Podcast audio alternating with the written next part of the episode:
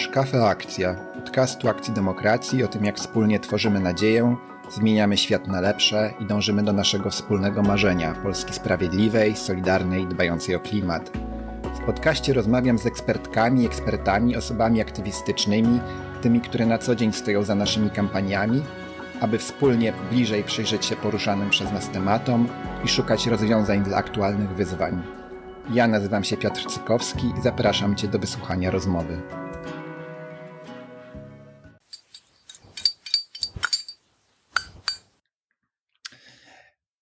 W tym odcinku naszego podcastu wracamy do tematu Konfederacji, e, bo przyglądamy się wszyscy sondażom, debatom, dyskusjom e, i z zaniepokojeniem w akcji demokracji no myślimy o tym, jak może wyglądać scenariusz wyborczy i powyborczy.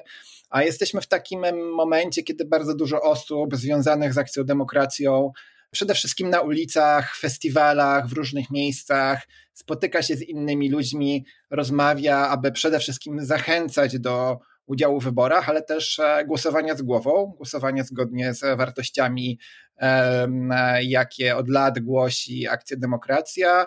Mm, oczywiście my nie zachęcamy do głosowania na żadną partię, ale e, no ten jakiś zbiór wartości e, mam wrażenie, że łączy bardzo wiele osób. No i mamy też wrażenie, że Konfederacja jest taką partią, której potencjalny udział w, w władzach po prostu Mm, będzie totalnie przeciwko tym naszym wartościom. Dlatego też tak dużo uwagi e, przykładamy temu tematowi i do dzisiejszej rozmowy zaprosiliśmy Kastora Kurzelewskiego, pracownika działu politycznego Polityki Insight, byłego współpracownika krytyki politycznej, której zajmował się m.in. mediami społecznościowymi, absolwenta filozofii na Uniwersytecie Warszawskim, E, który również ukończył studia z zakresu Public Relations w GH Warszawskiej, co sądzę, że dla tematu Konfederacji ma duże znaczenie, wiedzę o tym, jak oni e, działają i sobie świetnie radzą na rynku przede wszystkim mediów społecznościowych. E, bardzo serdecznie Ci witam, Kastor, i dziękuję za przyjęcie zaproszenia. Siemanko rozmawia ze mną również i z Kastorem będzie rozmawiał Dominik Puchała, doktorant w Centrum Badań nad Uprzedzeniami na UW, kampanier Akcji Demokracji, który zajmuje się skrajną prawicą i prawami osób LGBT, absolwent e, MISZ na Uniwersytecie Warszawskim. Cześć Dominik. Cześć. No i tak jak mówiłem, e, rozmawialiśmy już o temacie Konfederacji dwa odcinki dokładnie temu, więc zapraszam osoby zainteresowane do wysłuchania rozmowy również z Dominikiem oraz Przemkiem Witkowskim. To jest odcinek zatytułowany Jak rozmawiać o Konfederacji.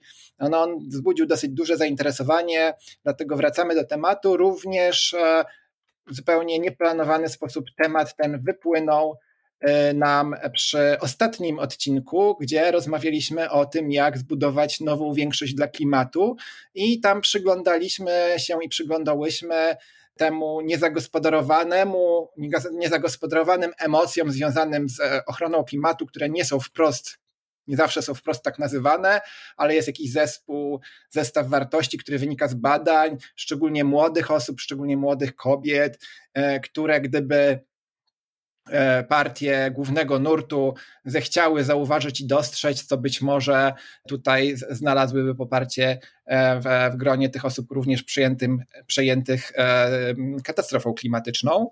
Mm, więc punktów wyjścia do rozmowy o Konfederacji jest wiele.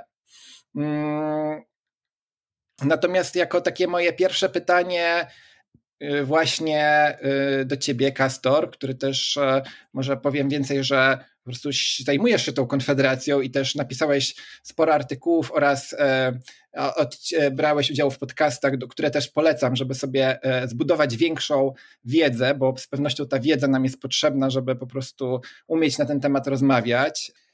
No to takie pytanie, dlaczego to pokolenie, do którego pewnie ty też należysz. Ja już nie wiem, czy też nie będę pytał o wiek, ale no pewne pokolenie, dlaczego Konfederacja jest właśnie taką partią, pokoleniową tego młodego pokolenia i to, co też już wiemy, e, że już nie ma tego mitu e, pokolenia młodych mężczyzn, ale też i kobiet. Co wiemy o tym elektoracie? E, czynników jest kilka. Zacznę od tego, co wiemy o elektoracie. To znaczy, wiemy, że mniej więcej dzisiejszy ten elektorat Konfederacji w 40% około tworzą tworzy kor Konfederacji, to znaczy tworzą ludzie, którzy głosowali na Konfederację już rok temu, wcześniej, to jest 6% wyborców radykalnej prawicy, wyborców antyszczepionkowych, wyborców e, nacjonalistycznych, wyborców wychowanych na Januszu Korwin-Mikkem, wyborców czytających Najwyższy Czas. Natomiast 60% z tych obecnych wyborców Konfederacji e, to są rzeczywiście ludzie mm, innego typu, ludzie młodzi, e, ale ludzie, którzy polityką nie za bardzo się interesują.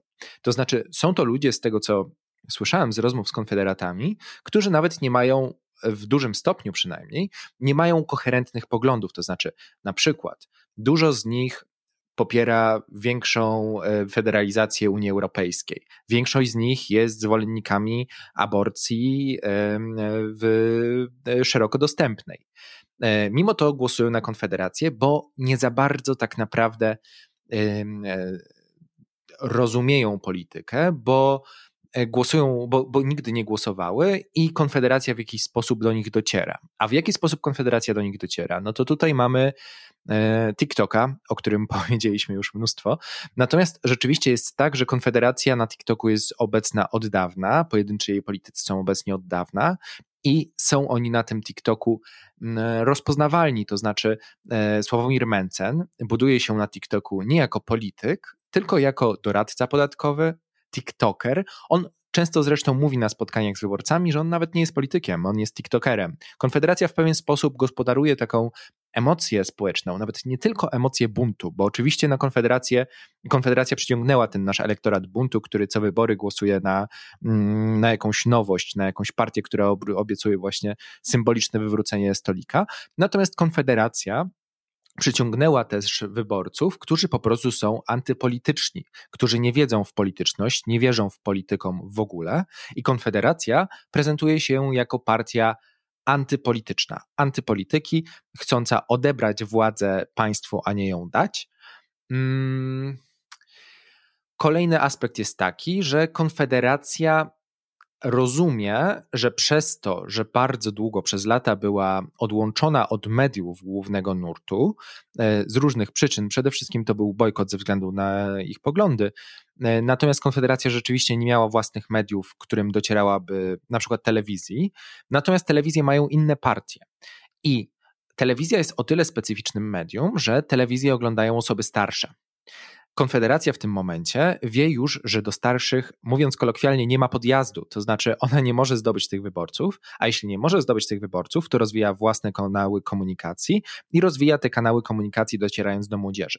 Oprócz rozwijania kanałów komunikacji dochodzi tutaj element programowy, ponieważ patrząc na politykę czysto egoistycznie, zgodzicie się e, panowie, że mm, zupełnie inny jest interes Mm, osoby pracującej, a zwłaszcza młodej osoby pracującej, niż interes osoby pobierającej emeryturę, osoby, która często po, po, potrzebuje opieki zdrowotnej. Tu jest ten oczywisty przykład y, opieki zdrowotnej. To znaczy, gdy jestem młody, no nie myślę o tym, że złamię nogę, że będę musiał iść na L4, że państwo będzie za to płacić. Y, będąc młodym, nie chcę płacić wyższych podatków, żeby emeryci dostawali 13-14 emeryturę. Tak myśląc czysto egoistycznie, jakby widzimy to. I Konfederacja, zdając sobie sprawę, że nie walczy o tych starszych wyborców, może tworzyć program w całości skrojony właśnie do tych młodych osób, do ich jeśli e, do, do, do, do ich bazowych poglądów. To, to jest ta baza, a nie nadbudowa. To ja zadam Ci pytanie, bo bardzo mnie to interesuje. Ja to są badania sprzed, dwóch, sprzed roku albo dwóch, 13 milionów e, użytkowników e, TikToka w Polsce. No, ja na przykład do nich nie należę e, z bardzo świadomego e, powodu i sądzę też, że wiele osób, które angażują się w różne działania obywatelskie, też niekoniecznie na tym TikToku jest. E, my, jako akcja Demokracja, rozwijamy nasz kanał, no ale dla wielu osób to jest jakby taka różnica mocno pokoleniowa. No i teraz pytanie moje takie, no ale są osoby, które chcą jakoś mm, rozmawiać, czy też docierać do osób, które zapatrzone są w tą konfederację, czy gdzieś poza TikTokiem można ich spotkać? E, jeszcze a propos TikToka. to jest jeden z mitów dotyczących TikToka, to znaczy wiek użytkowników, a przynajmniej tych użytkowników, hmm. którzy odbierają kontent polityczny.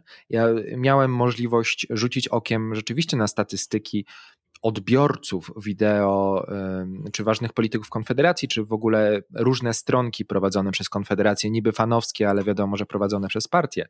I to, co tam widziałem, to to, że mm, mediana wieku, nie licząc osób poniżej 18 roku życia, bo TikTok nie podaje z tego, co wiem, tych danych, natomiast jeśli liczyć tylko osoby dorosłe, to przeciętny użytkownik, użytkownik, do którego trafiają treści Konfederacji, ma 30 lat. 30 i później to się rozchodzi jak krzywa Gaussa, to znaczy porówno jest 20-latków i porówno jest 40-latków. My sobie nie zdajemy sprawy, jak bardzo TikTok teraz stał się masowym medium, jak bardzo dociera do naprawdę wszystkich ludzi jakoś niespecjalnie zainteresowanych politycznie, bo wiadomo, że TikTok właśnie z, problem, z powodów politycznych jest problematyczny, e, czy politycznych, czy zdrowotnych, no ale mamy kwestie danych, dla, e, do których mają dostęp Chińczycy, mamy kwestie mm, ogłupiania, powiedzmy, po kolejnych pokoleń. Ale będę dążył do tej odpowiedzi, mhm. tak jak słyszę, że jak to są osoby też pokoleniowo, no nie tylko te, e, no szerszy jest rozkład, mhm odbiorców, to znaczy, że, że są miejsca, gdzie możemy się spotkać poza TikTokiem. Na pewno. To znaczy, problem w ogóle polskiej debaty publicznej polega na bańkowości. Mamy bańkę wyborców PiSu, dostajemy takie e, dane e, o mediach społecznościowych, które w ogóle nam wyróżniają, która informacja rozchodzi się w bańce pisowskiej, która rozchodzi się w bańce platformerskiej. I te bańki są dość jasne, to znaczy bańka pisowska jest zorganizowana wokół TVP Info, bańka platformerska wokół TVN-u.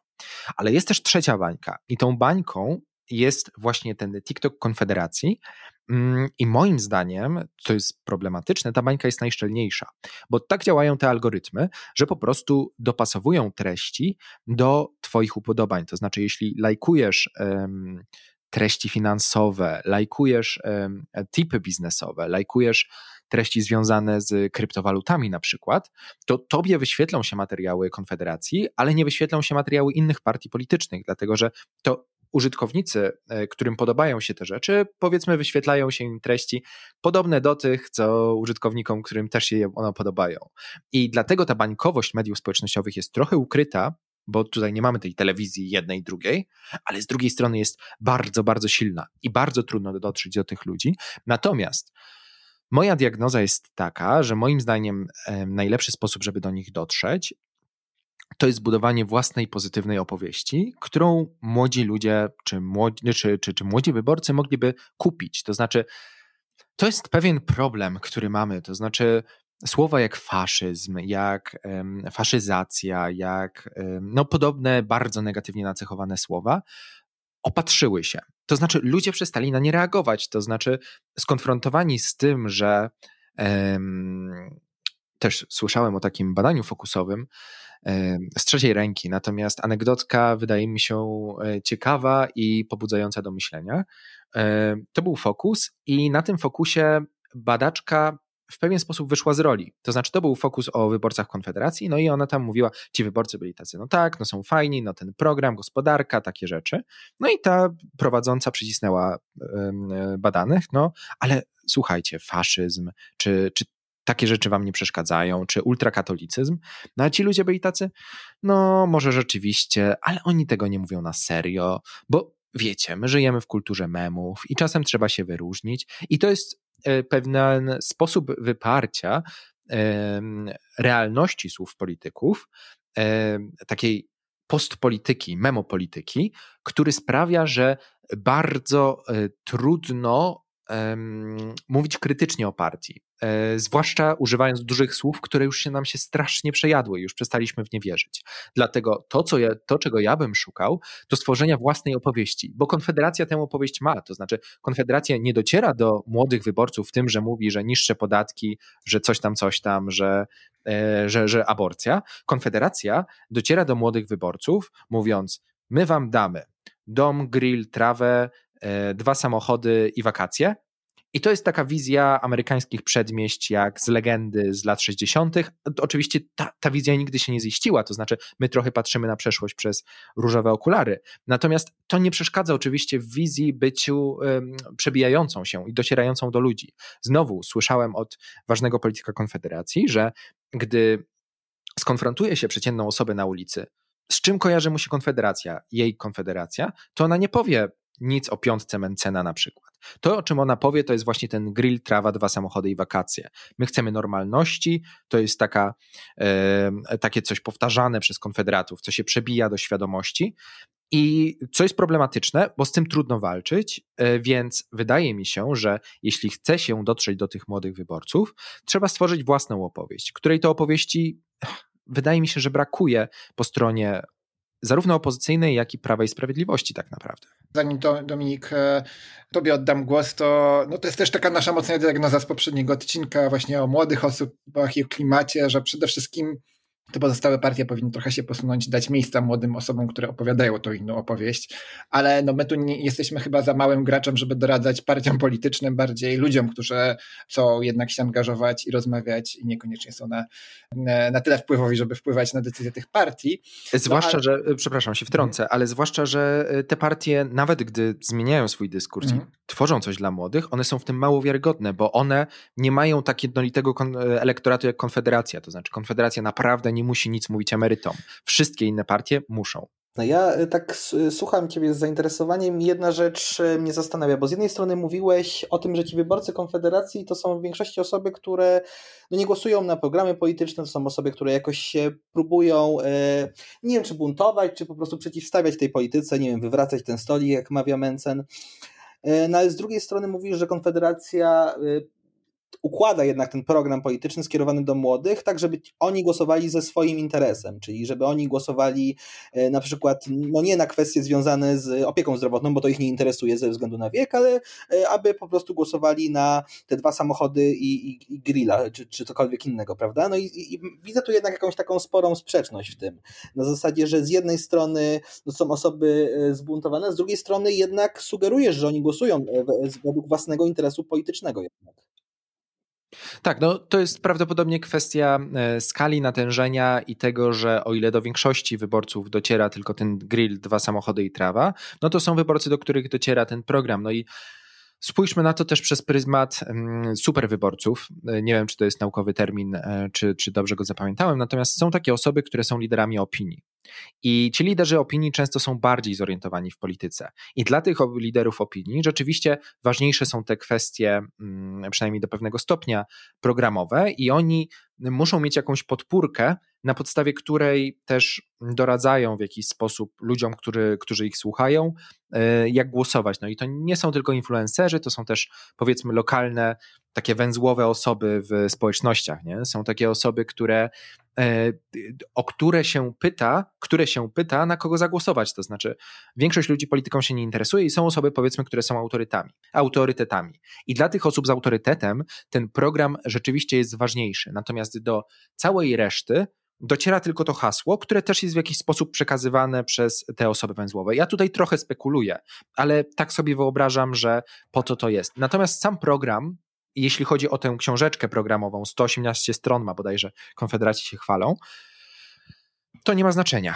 To znaczy, umówmy się, no, nikt programów dzisiaj nie czyta, nawet ci influencerzy ich nie czytają. To znaczy, słyszą coś tam w wypowiedziach, że politycy Konfederacji mogą pokazywać na tę swoją książeczkę i mówić: patrzcie na tę książeczkę, my tutaj mamy napisane, jak mm, naprawić PIT na przykład. Konfederacja ma swój własny projekt ustawy o PIT, natomiast ta ustawa o PIT e, no znowu, nikt jej nie przeczyta. Ważne, żeby ona była, ale nie, niekonieczne jest tak naprawdę, co jest w środku. To znaczy, ważne, żeby móc powiedzieć, my mamy program, ten program jest dla was, no ale tego programu i tak nikt czytać za bardzo nie będzie.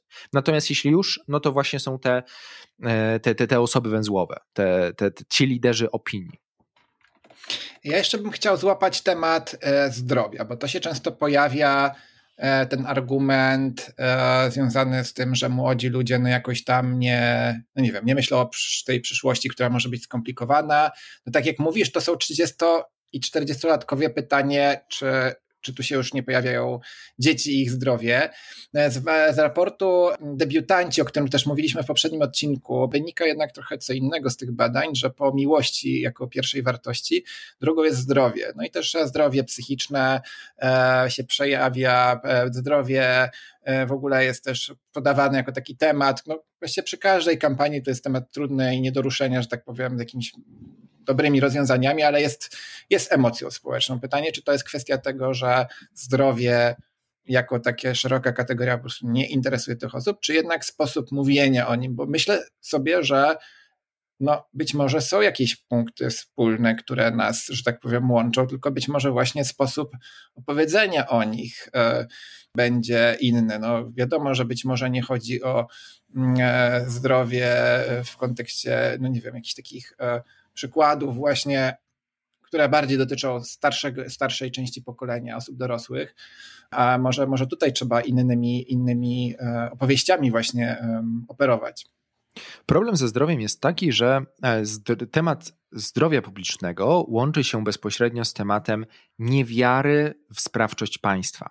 To znaczy, gdy inne partie, bo dla wszystkich oczywiste jest, że polska służba zdrowia jest bardzo słabej kondycji i że polską służbę zdrowia trzeba naprawić. Problem jest w tym, że młodzi ludzie nie za bardzo wierzą, że państwo jest w stanie to zrobić, bo słyszeli to od lat. No i jedyne co widzą, tak się domyślam, e, to to, że kolejne partie dosypują do mm, tego worka, z, worka bez dna pieniądze, a, a tak naprawdę nic się nie poprawia. Więc opowieść Konfederacji o po pierwsze tym, że my wam nie będziemy zabierać pieniędzy, kupicie sobie prywatną służbę zdrowia, abstrahuję od tego, że to de facto w Polsce się dzieje. Opisał to Łukasz Pawłowski w, w drugiej fali prywatyzacji, że, e, że, że, że, że właśnie przechodzimy na ten model, gdzie dostarczycielem usług zdrowotnych jest przede wszystkim właśnie. Mm, e, prywatne podmioty, które są przez państwo jakoś dofinansowywane i przez to jakość tych prywatnych podmiotów też spada, jakość usług przez nie dostarczanych. Mm, więc ta opowieść o tym, że to jeszcze nie wydaje mi się, żeby się szczególnie przebiło, to o czym pisze Pawłowski. Natomiast opowieść o tym, że inne partie nie mają pomysłu na rozwiązanie problemów służby zdrowotnej poza dosypywaniem pieniędzy, jest w jakiś sposób dla młodych ludzi kusząca. No i tu jest właśnie ten pierwszy aspekt, czyli my wam pieniędzy nie będziemy zabierać. Drugi aspekt, to znaczy Konfederacja, cokolwiek by nie mówić o mm, jakości tego pomysłu, Mm, zaproponowała coś innego, to znaczy ona zaproponowała totalną reformę służby zdrowia, trochę przypominającą to, co w pewnym momencie próbował wprowadzić AWS. Trochę na wzór niemiecki, z tą różnicą, że w Niemczech tych pieniędzy przeznaczanych na służbę zdrowia jest dużo, dużo, dużo więcej niż w Polsce, a Konfederacja w międzyczasie nie chce z tego co pamiętam, podwyższać, podwyższać nakładów na służbę zdrowia. Natomiast ta opowieść o tym, że my nie będziemy dosypywać do służby zdrowia, ale nie zabierzemy wam pieniędzy, a służbę zdrowia zreformujemy i to na sposób rynkowy, to znaczy zabierzemy monopol NFZ, też wpisuje się w tę niewiarę państwa, w państwo, w rozwiązywanie przez państwo problemów.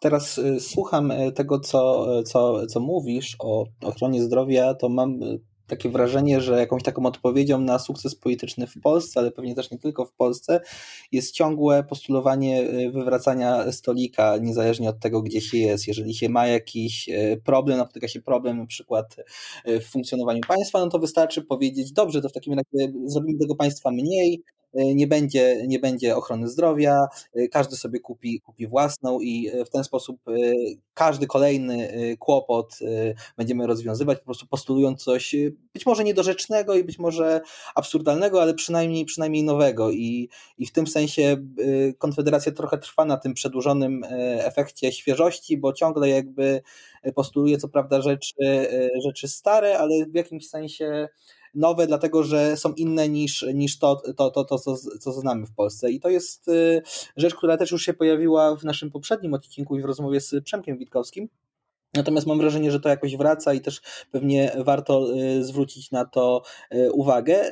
A tak już trochę schodząc z tonu, bo mam wrażenie, że jak ciągle rozmawiamy o tej konfederacji, to tak się bardzo, bardzo staramy, e, staramy jakby być bardzo poważni, a mam wrażenie, że niekoniecznie to jest, to, jest to, to rozwiązanie, bo jak, pokazuje, jak pokazują konfederaci, być może właśnie nie, nie, nie to jest odpowiedzią. Więc chciałem Cię tak trochę zapytać, bo wiem, że Ty masz też taką inną ścieżkę działalności, bardziej humorystyczną, związaną z memami, więc w związku z tym chciałem Cię podpytać o to, E, kogo e, ty na tych listach Konfederacji widzisz z takich osób najbardziej, najbardziej zaskakujących, być może najdziwniejszych? I e, czy mógłbyś trochę o tym powiedzieć, bo wydaje mi się, że mamy tam trochę takich ludzi, powiedziałbym, zróżnicowanych, i to nie tylko zróżnicowanych w jakiejś ich karykaturalnej wręcz mizoginii, ale też po prostu komicznych i myślę, że też warto byłoby o tym mówić trochę w ten sposób. Tak, no to są osoby przede wszystkim związane z partią Grzegorza Brauna, który to Grzegorz Braun ma generalnie problem z kadrami. Mm, pierwsza osoba, która mi przychodzi na myśl, to niestety nie jest osoba super komiczna, natomiast to jest y, pan o nazwisku Sala, wypadło mi imię, jedynka Konfederacji w Częstochowie, gdzie zastąpił swoją drogą Leszka Sykulskiego, który okazał się zbyt hardkorowy na poziom Konfederatów. Pan Sala jest redaktorem naczelnym wydawnictwa e, Freedom. Jest to wydawnictwo, które wydaje naprawdę hardkorowe pisma prawicowe, to znaczy wydaje e, dzienniki Tarnera, e, wydaje pisma Adolfa Hitlera, e, ale wydaje też oczywiście pisma Sławomira Mencena. Mm, natomiast jest rzeczywiście trochę osób, które są ekscentryczne. E, to nie są ważne osoby zazwyczaj, ponieważ też Grzegorz Braun jest marginalizowany w samej Konfederacji. Natomiast słyszałem taką anegdotę.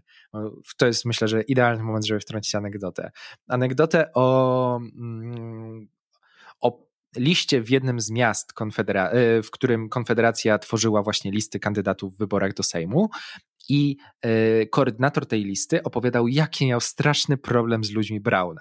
To znaczy, Brown mu przedstawił pięć nazwisk, które jego zdaniem mogły się znaleźć na tej liście. Z tych pięciu nazwisk, cztery to były osoby absolutnie anonimowe, o których nie było żadnej informacji w Google, nie można było ich znaleźć, nie wiadomo było, kto to jest. Natomiast piąta osoba to była osoba, która wcześniej była w jednym z członów Konfederacji, ale z niego wyleciała, dlatego że był.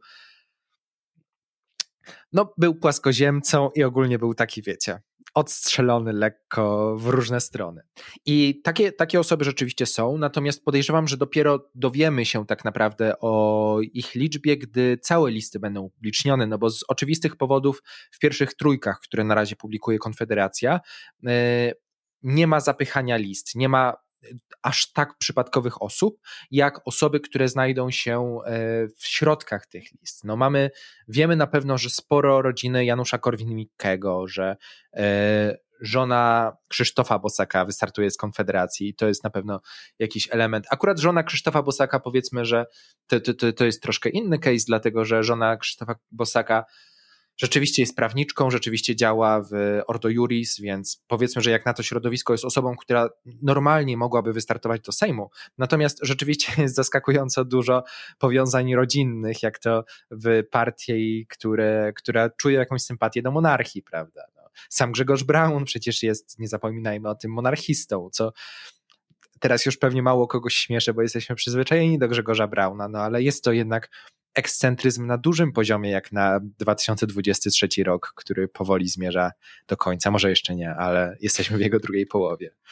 Mm. Takie pytanie w związku z tym się pojawia dla mnie, dla nas też. E, no, jak to się dzieje, że e, i może jeszcze też, e, jak ci przyjdą do głowy inne przykłady i tak jak powiedziałeś, jeszcze będą się pojawiać wraz z opublikowaniem list wyborczych i też będziemy z pewnością się przyglądać E, tymże życiorysom. Jak to jest, że e, takie kuriozalne zestawienia i te postacie, które no już jednak e, nie są zupełnie nowe, a niektóre są od początku, jak Korwin-Mikke, jednak w polityce, um, swoimi kuriozalnymi wypowiedziami.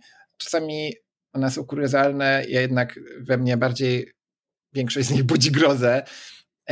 Jak to się dzieje, że, że, e, że nie przeszkadza to wielu osobom deklarować e, tego głosu na Konfederację?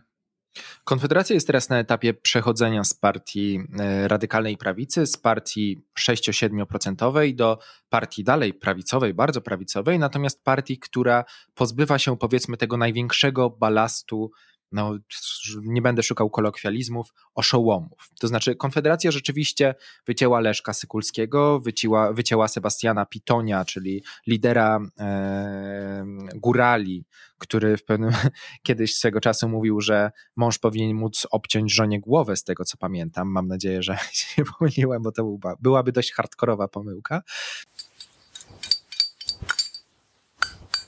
Tuż po zakończeniu naszej rozmowy zrobiliśmy krótki fact-checking i link do artykułu opisującego te straszne słowa e, lidera górskiego weta znajduje się w opisie tego podcastu.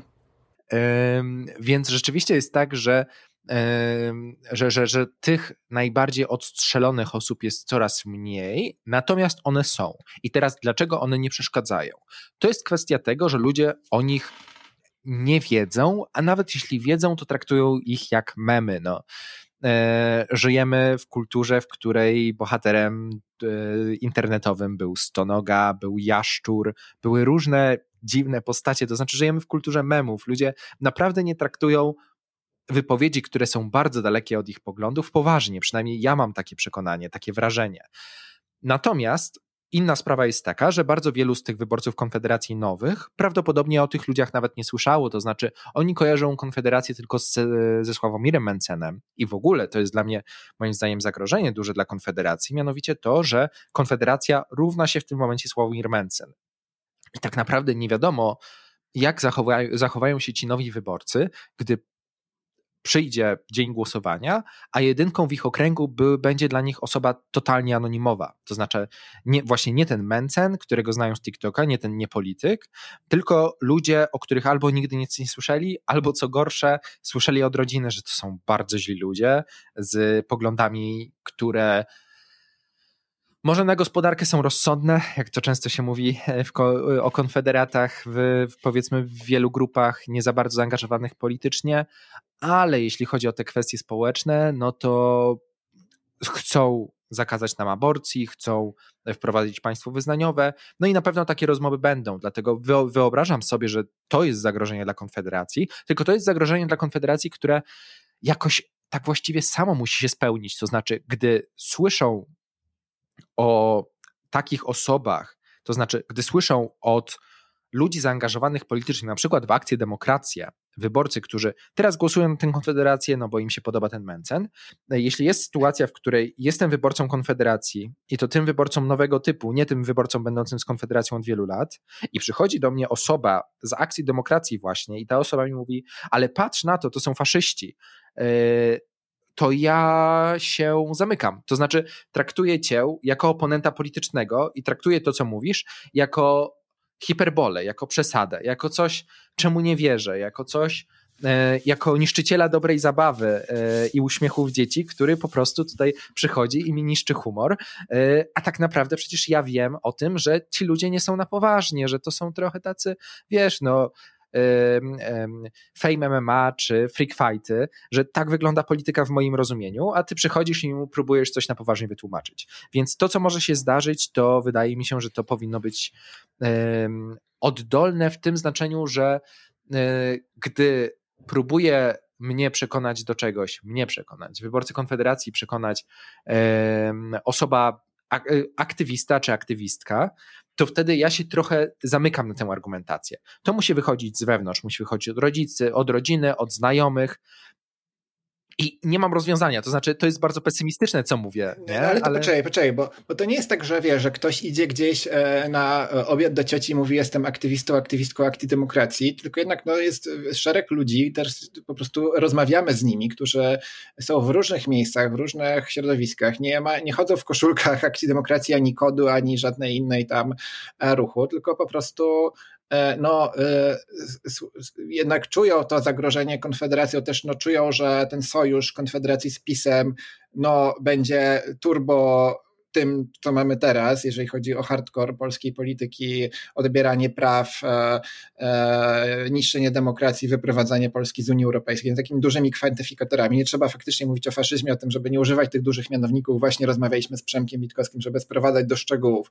Zakazanie aborcji, mimo że no wiemy, że tam wśród, e, jest też wśród osób, które są, będą na listach też są osoby, które mają inne poglądy, tak? ale jednak przykładanie do tego ręki uderzenie w, praw, w prawa mniejszości.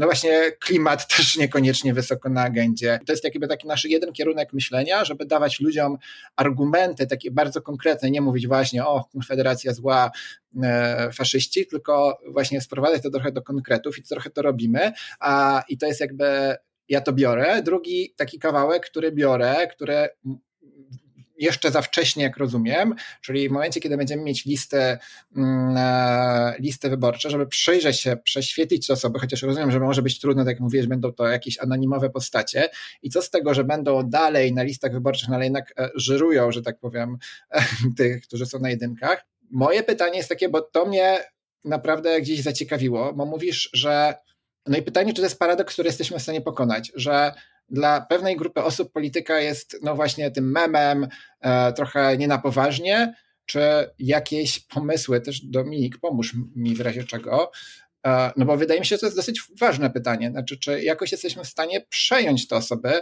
że okej, okay, no te osoby, które głoszą takie poglądy faktycznie mogą mieć wpływ na e, partię, która będzie współrządziła. No bo nie chodzi o to, że one nawet zasiądą w tym parlamencie, bo być może nie, ale jakby no są w strukturach, e, dostaną jakieś posady, czy to w spółkach Skarbu Państwa, czy gdzie indziej, e, będą, że tak powiem, doradzały, będą asystentami tych posłów, posłanek e, z Konfederacji, będą chodziły po korytarzach sejmowych, no jakby będą miały realny wpływ osoby o bardzo dziwnych poglądach i będzie ich znacznie więcej niż jest obecnie teraz w parlamencie. Ja mam tak, Mhm. Tak, tak, dopowiadając do tego, no to ja mam wrażenie, tak słuchając Ciebie, ale też, yy, też ogólnie z własnego doświadczenia mam wrażenie, że no jak mówimy o tym, że ludzie jak słyszą słowo faszyzm od aktywisty bądź aktywistki, to się od razu wyłączają, yy, nastawiają się jakby obronnie lub po prostu ignorują to jako yy, tak, tak, tak, taki zupełnie przesadzony głos, no to mam wrażenie, że to jest rodzaj jakiegoś znieczulenia, które jakoś powstało i to tak jak istnieje coś takiego jak znieczulenie na, na mowy nienawiści, której ciąg którą ciągle widzimy w internecie i ona już przestaje być dla nas szkodliwa, mimo że jest, bo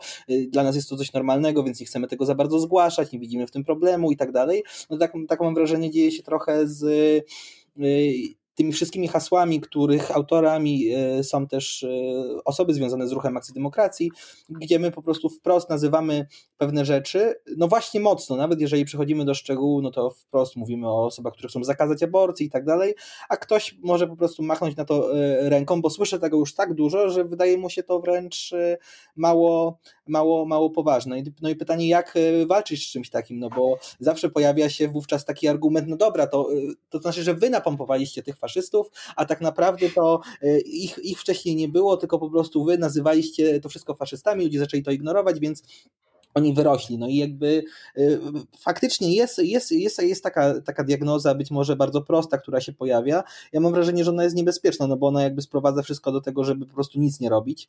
Y, natomiast wydaje się, że mm, jest to faktycznie sytuacja bez wyjścia, no bo jeżeli nie możemy nazwać czegoś po imieniu, no to co, co możemy robić, prawda? To jest ten moment, kiedy wjeżdża psychologia ewolucyjna i Jonathan Haidt. Jest taka książka Prawy Umysł.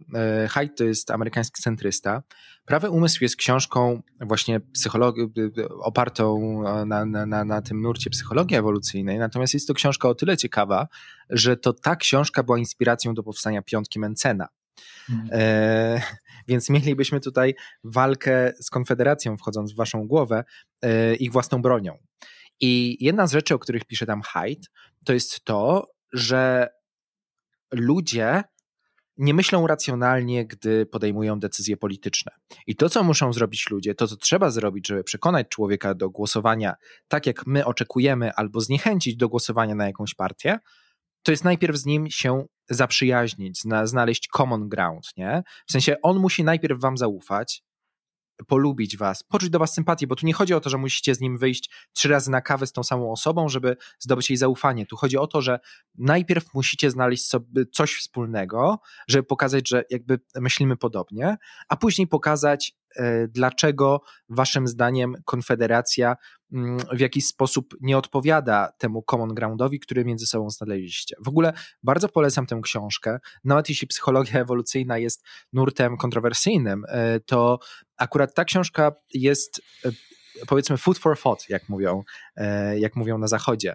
E, czasami wychodząc z błędnych przesłanek można dokonać wielu ciekawych spostrzeżeń i myślę, że jakby rozmawianie o tej warstwie racjonalnej jest o tyle nie, nie, bezsensowne, że to nie warstwa racjonalna rządzi wyborcami i trafić do wyborców, i trafić do ludzi, i przekonać ich do głosowania na coś, trzeba przede wszystkim właśnie emocjonalnie. A jak to zrobić, to jest trudne i to też nie jest moja rola jako analityka politycznego, e, nie pracującego dla żadnej partii, tylko obiektywnego, żeby teraz to wymyślać e, której ze stron.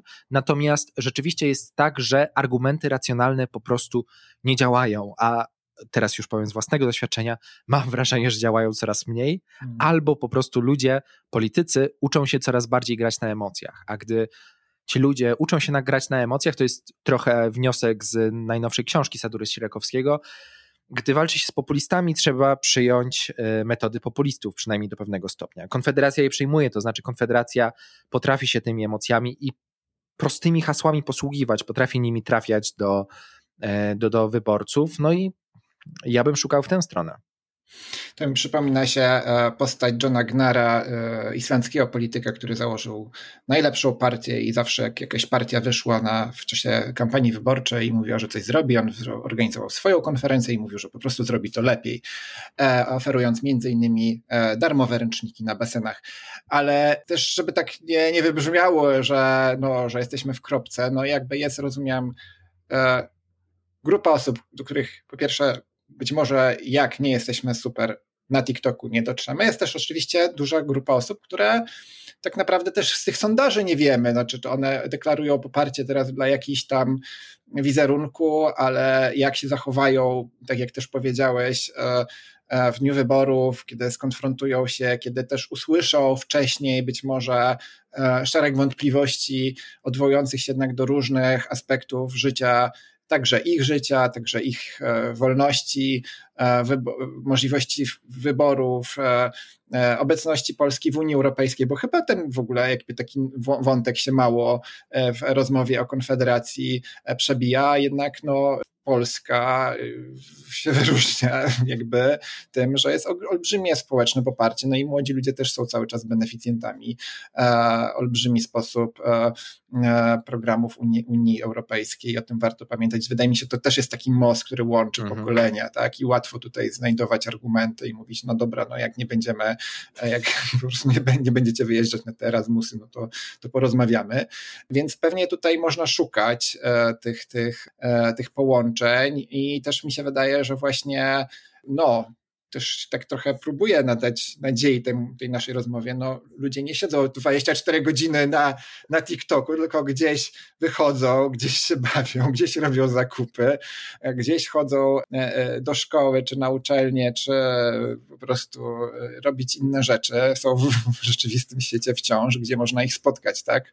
Na przys przysłowiowych imieninach u cioci, ale pewnie też na różnych innych wydarzeniach i imprezach się, e, czy po prostu na ulicy, gdzie kampania wyborcza będzie się toczyła, ale będzie też się toczyła i już toczy kampania taka profrekwencyjna, która też jest kampanią za wartościami e, konkretnymi i tam z pewnością z tymi osobami inne osoby będą się spotykały i te różne e, argumenty Mm, mogą brać jako po prostu jakoś e, przemyślenie, jak, jak sobie radzić w sytuacji, kiedy właśnie spotkają osobę, która będzie wymieniała Mencena i odmieniała go przez przypadki. Natomiast e, dla mnie to jest taka lekcja, że trzeba, e, trzeba się przygotować na szybką pracę i przejrzenie właśnie tych list wyborczych i zrobienie researchu. Też powiedziałeś, że te osoby będą nieznane często osobom, które będą głosowały. Może warto, mhm. żeby, żeby były znane, ale tak powiem, z tego, co niekoniecznie Konfederacja będzie chciała na ich temat publicznie powiedzieć. Nasza rozmowa powoli zbliża się do końca, więc jeszcze pytanie, czy, czy jakieś macie komentarze, czy, czy pytania, Dominik, do Kastora na koniec naszej rozmowy. Może y, zadam pytanie bardzo ogólne. Y, no bo jakby zawsze w poprzedni podcast dotyczący Konfederacji też skończyliśmy na jakichś receptach, więc y, może jakbyś mógł wybrać z tego, co powiedzieliśmy, ale może nie tylko, jakąś taką jedną e, dobrą, ja wiem, że to jest trudne pytanie, jakby e, dobrą receptę na, na, na, na to, żeby ludzie głosowali na e, partie demokratyczne, na partie, które są bliskie demokratycznym wartościom. Nie mówię tutaj o tym, żeby przeciwko Konfederacji, ale powiedzmy e, za wartościami, które, które są bliskie choćby ruchowi akcji demokracji, który zresztą jest i skądinąd znany. Tak, ja muszę przyznać, że ja, moja skromność intelektualna nie pozwala mi tak naprawdę przewidzieć dynamiki kampanii i co będzie się działo w kampanii. Ja totalnie widzę historię, w której Konfederacja w kampanii zaczyna bardzo dużo tracić, e, zalicza duży zjazd, ale to, jak w mojej głowie to się układa, to raczej są błędy samej Konfederacji. Bo mam trudność w znajdowaniu mm, metod dotarcia do tych wyborców, którzy są bardzo mocno zagospodarowani na własnym poletku Mencena.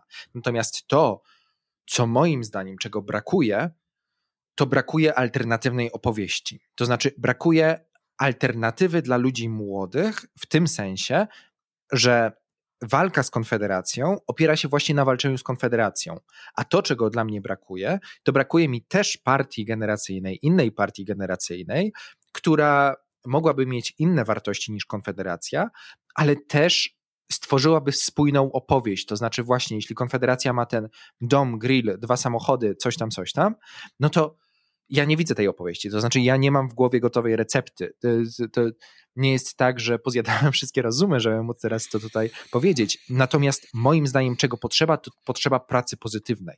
Potrzeba pokazania nie zagrożeń, nie tego, nie tego przed czym się możemy, musimy bronić, ale potrzeba charyzmatycznej osoby, która na przykład będzie w stanie stworzyć opowieść o tym, że państwo może być skuteczne, że państwo może robić rzeczy, że możemy zorganizować to lepiej, że nie musimy, żeby wywrócić ten stolik i wszystko zmienić, nie musimy rezygnować z państwa, że my możemy je naprawić w jakiś sposób, że my możemy je zupełnie przekształcić. I takiej opowieści, takiej pozytywnej opowieści dla młodych brakuje mi i wyobrażam sobie, że właśnie taka opowieść mogłaby Konfederacji zaszkodzić to pewnie nie jest do zrobienia w czasie, który mamy przed październikowymi wyborami, ale o scenariuszach, co może być po, e, odsyłam do mm, super e, ciekawego właśnie odcinka z Twoim udziałem na słuch Polityki Insight, e, którego przesłuchałem drugi raz przed naszą rozmową, żeby się przygotować, więc